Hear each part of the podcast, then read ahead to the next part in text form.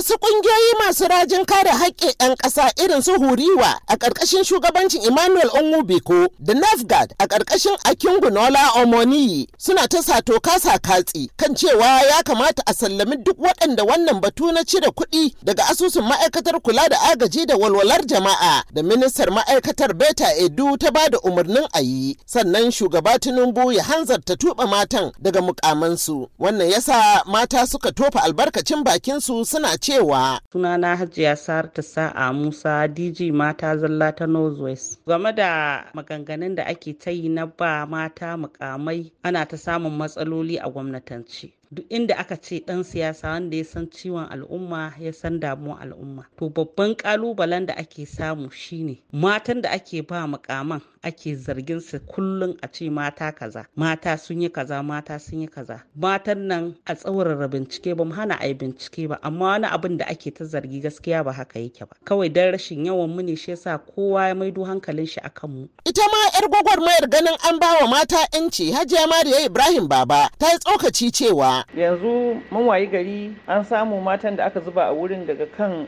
ita minista da ta sauka wanda wancan gwamnatin da ya shuɗe ta sauka da kuma wanda aka assasa daga baya bayan nan yanzu su su biyu. Ana ta zargin su da kuɗaɗe masu yawa kan cewa sun kwasa a cikin asusun gwamnati kuma sun yi amfani da shi ba ta hanya da ya dace ba. To ni dai gaskiya fi sabilillahi kai mutum wurin shari'a in an zarge shi ko an zarge ta da cin kuɗin gwamnati in dai ba za a kai gaban shari'a a tabbatar a yi bincike a tabbatar a hukunta mutum. In ba hukunci fa shikenan haka za mu ci tafiya. Kara zube. Saboda haka fi sabilillahi ni ina ba gwamnati shawara. Gwamnatin nan na Bola Ahmed Tinubu in dai da gaske yake yi yana so ya yaki cin hanci da rashawa da almundahara da meto. Lokaci yayi da zai fara nuna aikinsa a yanzu. Wai menene shari'a ta tanadarwa wanda ya aikata irin wannan laifin? Tambayar kenan da na yi wa barista mai nasara kogo Ibrahim Umar. Sashi na goma sha biyar sakin sashi na biyar na tsarin mulkin Najeriya ya ɗora wajibci akan kowane jami'in gwamnati tun daga shugaban kasa zuwa ministoci har zuwa ga masinja.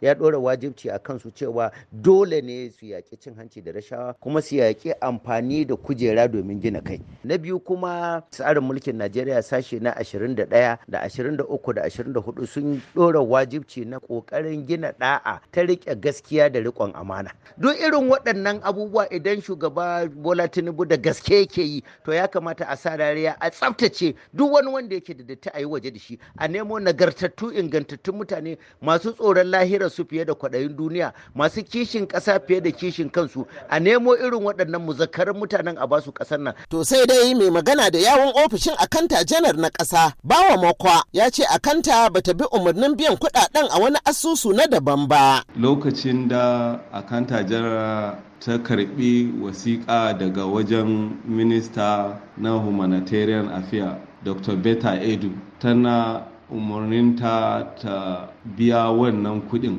zuwa wayansu account. Sai ta gaya mata cewa ƙa'idan wannan kuɗin ba a kantan jara yake ba. Za a biya ne daga ministry nata. Saboda haka kuma ta ba ta shawara kar ta biya zuwa account na wani. Sai dai account ɗin mutanen da za su amfana daga abin da aka ƙayyade so bata biya ba because ba a biya daga office ɗin akanta general. So ta bi ƙa'idan accounting yadda yake ne bata biya ba. Abin jira a gani shine irin matakan da shugaban kasa bola ahmed tinubu zai ɗauka na ganin an warware zare da abawa a wannan batun.